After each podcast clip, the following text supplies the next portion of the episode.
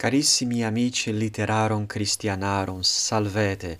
Felicissimus sit occursus vester.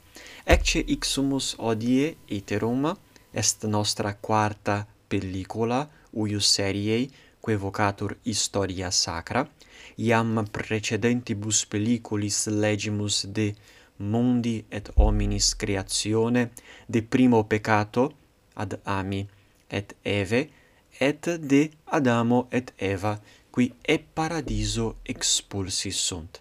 Et odie transimus ad aliam fabulam, ad filios, ad liberos, Adami et Eve, qui fuerunt Cainus et Abel. Et in ac fabula legemus peccatum turpissimum, legemus primam necem, primum fratricidium. Ergo, odie loquemur de re turpissima. Iam vidimus peccatum Adami et Eve, et nunc quasi videmus effectum illius primi peccati. Ergo incipiamus legere nostram fabulam odiernam. Adamus abuit multos liberos, inter quos Cainus et Abel numerantur. Ic fuit pastor, ille agricola uterque obtulit dona domino. Cainus quidem fructus terre, Abel autem oves egregias. Dona Abelis placuerunt Deo, non autem dona Caini, quod Cainus egre tulit. Dominus dixit Caino, cur invides, fratri, si recte facies, recipies mercedem, sim autem male, lues penam peccati. Ergo, Adamus et Eva abuerunt multos filios, multos liberos, et inter filios Adami et Eve erant numerabantur Cainus et Abel. Et Cainus fuit agricola, officium eius erat agricola, collebat agros, agros, et Abel fuit pastor curabat oves. Bene. Et uterque, Cainus et Abel sciricet, uterque obtulit dona domino, dest dona Deo. Cainus quidem fructus terre. Cainus erat agricola et cum esset agricola obtulit fructus terre Deo. Abel autem oves egregias. Abel, qui erat pastor, obitulit oves egregias. Bene, egregius est excellens singularis, ergo ille legit optimas oves et obtulit tales oves Deo. Dona Abelis placuerunt Deo, non autem dona Caini quod Cainus egretulit. Ergo donaque obtulit ab Abel placuerunt Deo, id est oves egregie placuerunt Deo, sed fructus terre Caini Deo non placuerunt, cur nescimus. Quod Cainus egre tulit. Quid significat quod? Quod in ac sententia significat et hoc. Et hoc Cainus egre tulit, id est, Cainus animadvertit dona Abelis placuisse Deo, et dona sua non placuisse Deo. Ergo Cainus videns hoc iratus est, videns hoc egre tulit, non tolleravit. Egre est adverbium, quod significat moleste, laboriose, et egre ferre aliquid significat non tollerare, non pati.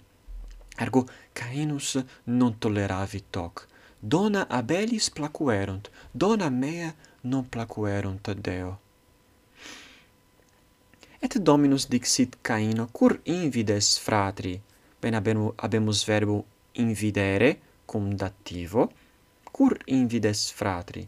si recte facies recipies mercedem, et Deus ortatur Cainum. Ergo, tu non debes currare fratrem tuum, tu debes omnia recte facere, si tu recte facies mercedem recipies. Sim autem male, sim autem male facies, lues penam peccati. Bene, habemus anc locutionem luere penam. Luere penam significat puniri, si ego luo penam, ego punior. Ergo, qui male facit, luit penam, id est punitur. Cainus non paruit Deo monenti, dissimulams iram, dixit fratris suo. Age, eamus deambulatum. Itaque una ambo abierunt foras, et cum essent in agro, Cainus irruit in abellem, et interfecit illum. Deus dixit Caino, ubi est tuus frater? Cainus respondit, nescio. Nun ego sum custos fratris mei, Bene, ergo ec est secunda pars. Ergo Cainus non paroit Deo monenti, Deo qui monebat. Et quid fecit Cainus? Dissimulavit iram. Ille erat iratus. Ille intus afficiebatur ira. Corripiebatur ira. Iratus erat sed quid fecit? Dissimulavit iram, ostendit se tranquillum esse. Ostendit se irato non est, dissimulavit iram. Abebat iram, erat iratus, sed non se ostendebat iratum. Ergo dissimulavit iram, et dixit abeli, dixit fratri suo, age, eamus deambulatum quid est deambulatum? Est supinum. Eamus deambulatum. Eamus ad deambulandum. Et ambo una abierunt foras. Et cum essent in agro cum ambularent cum deambularent in agro cainus irruit in abelem et interfecit illum. Et deus venit et rogavit Cainum sicut fecerat ante an omne quia postquam Adamus et Eva peccaverunt Deus in paradisum ingrediens rogavit Adamum quesivit Adamum. Et nunc Deus idem facit. Deus interrogat Cainum. Ubi est frater tuus? Ubi est tuus frater? Et Cainus respondit, nescio. Nun ego sum custos fratris mei? Et respondit hoc modo.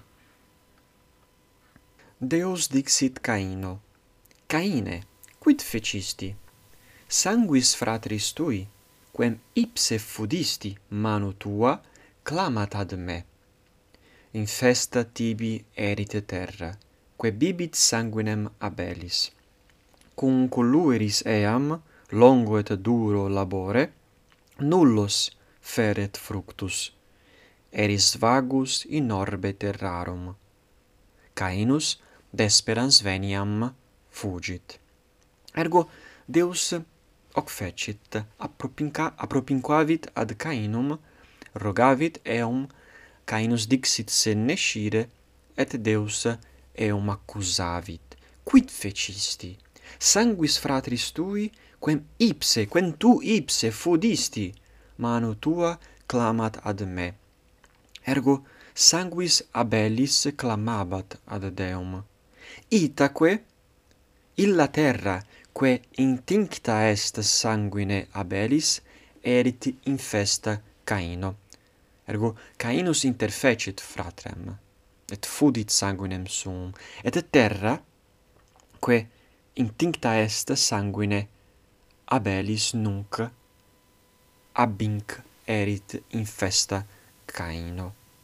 Et cum collueris eam, cum Cainus colluerit terram, long, longo et duro labore, nullos feret fructus. Cainus erat agricola, sciebat artem collendi agros.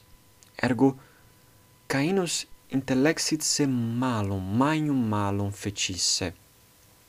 Et ab hinc terra quam collebat iam non feret fructus.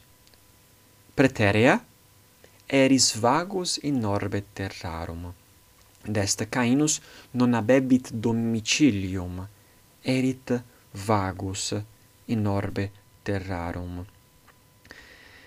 Et Cainus desperans veniam fugit. Quid est desperare veniam? Est puttare se veniam non consecuturum esse. Est ego puto me veniam non abiturum esse, non consecuturum esse, et despero veniam, desperare veniam. Credere se non abere veniam, non abere misericordiam. Non posse habere misericordiam. Ergo, quid fecit Cainus? Cainus fugit.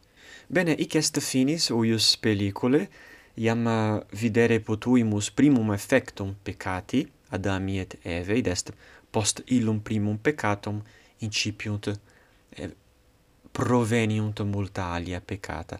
Et turpissimum hoc peccatum hoc fratricidium ec nex uh, venit ex illo primo peccato. Illo peccato quod vocatur originale vel primigenium. Ergo gratias plurimas vobis ago feci pelliculam breviorem puto sic melius se abere nescio fortasse melius est disponere pelliculas hoc modo et eh, sic quid dubi fuerit eh, rogo vos ut eh, scribatis in commentaris et ego libentissime respondebo. E ergo gratias plurimas vobis ago et in proximum valete.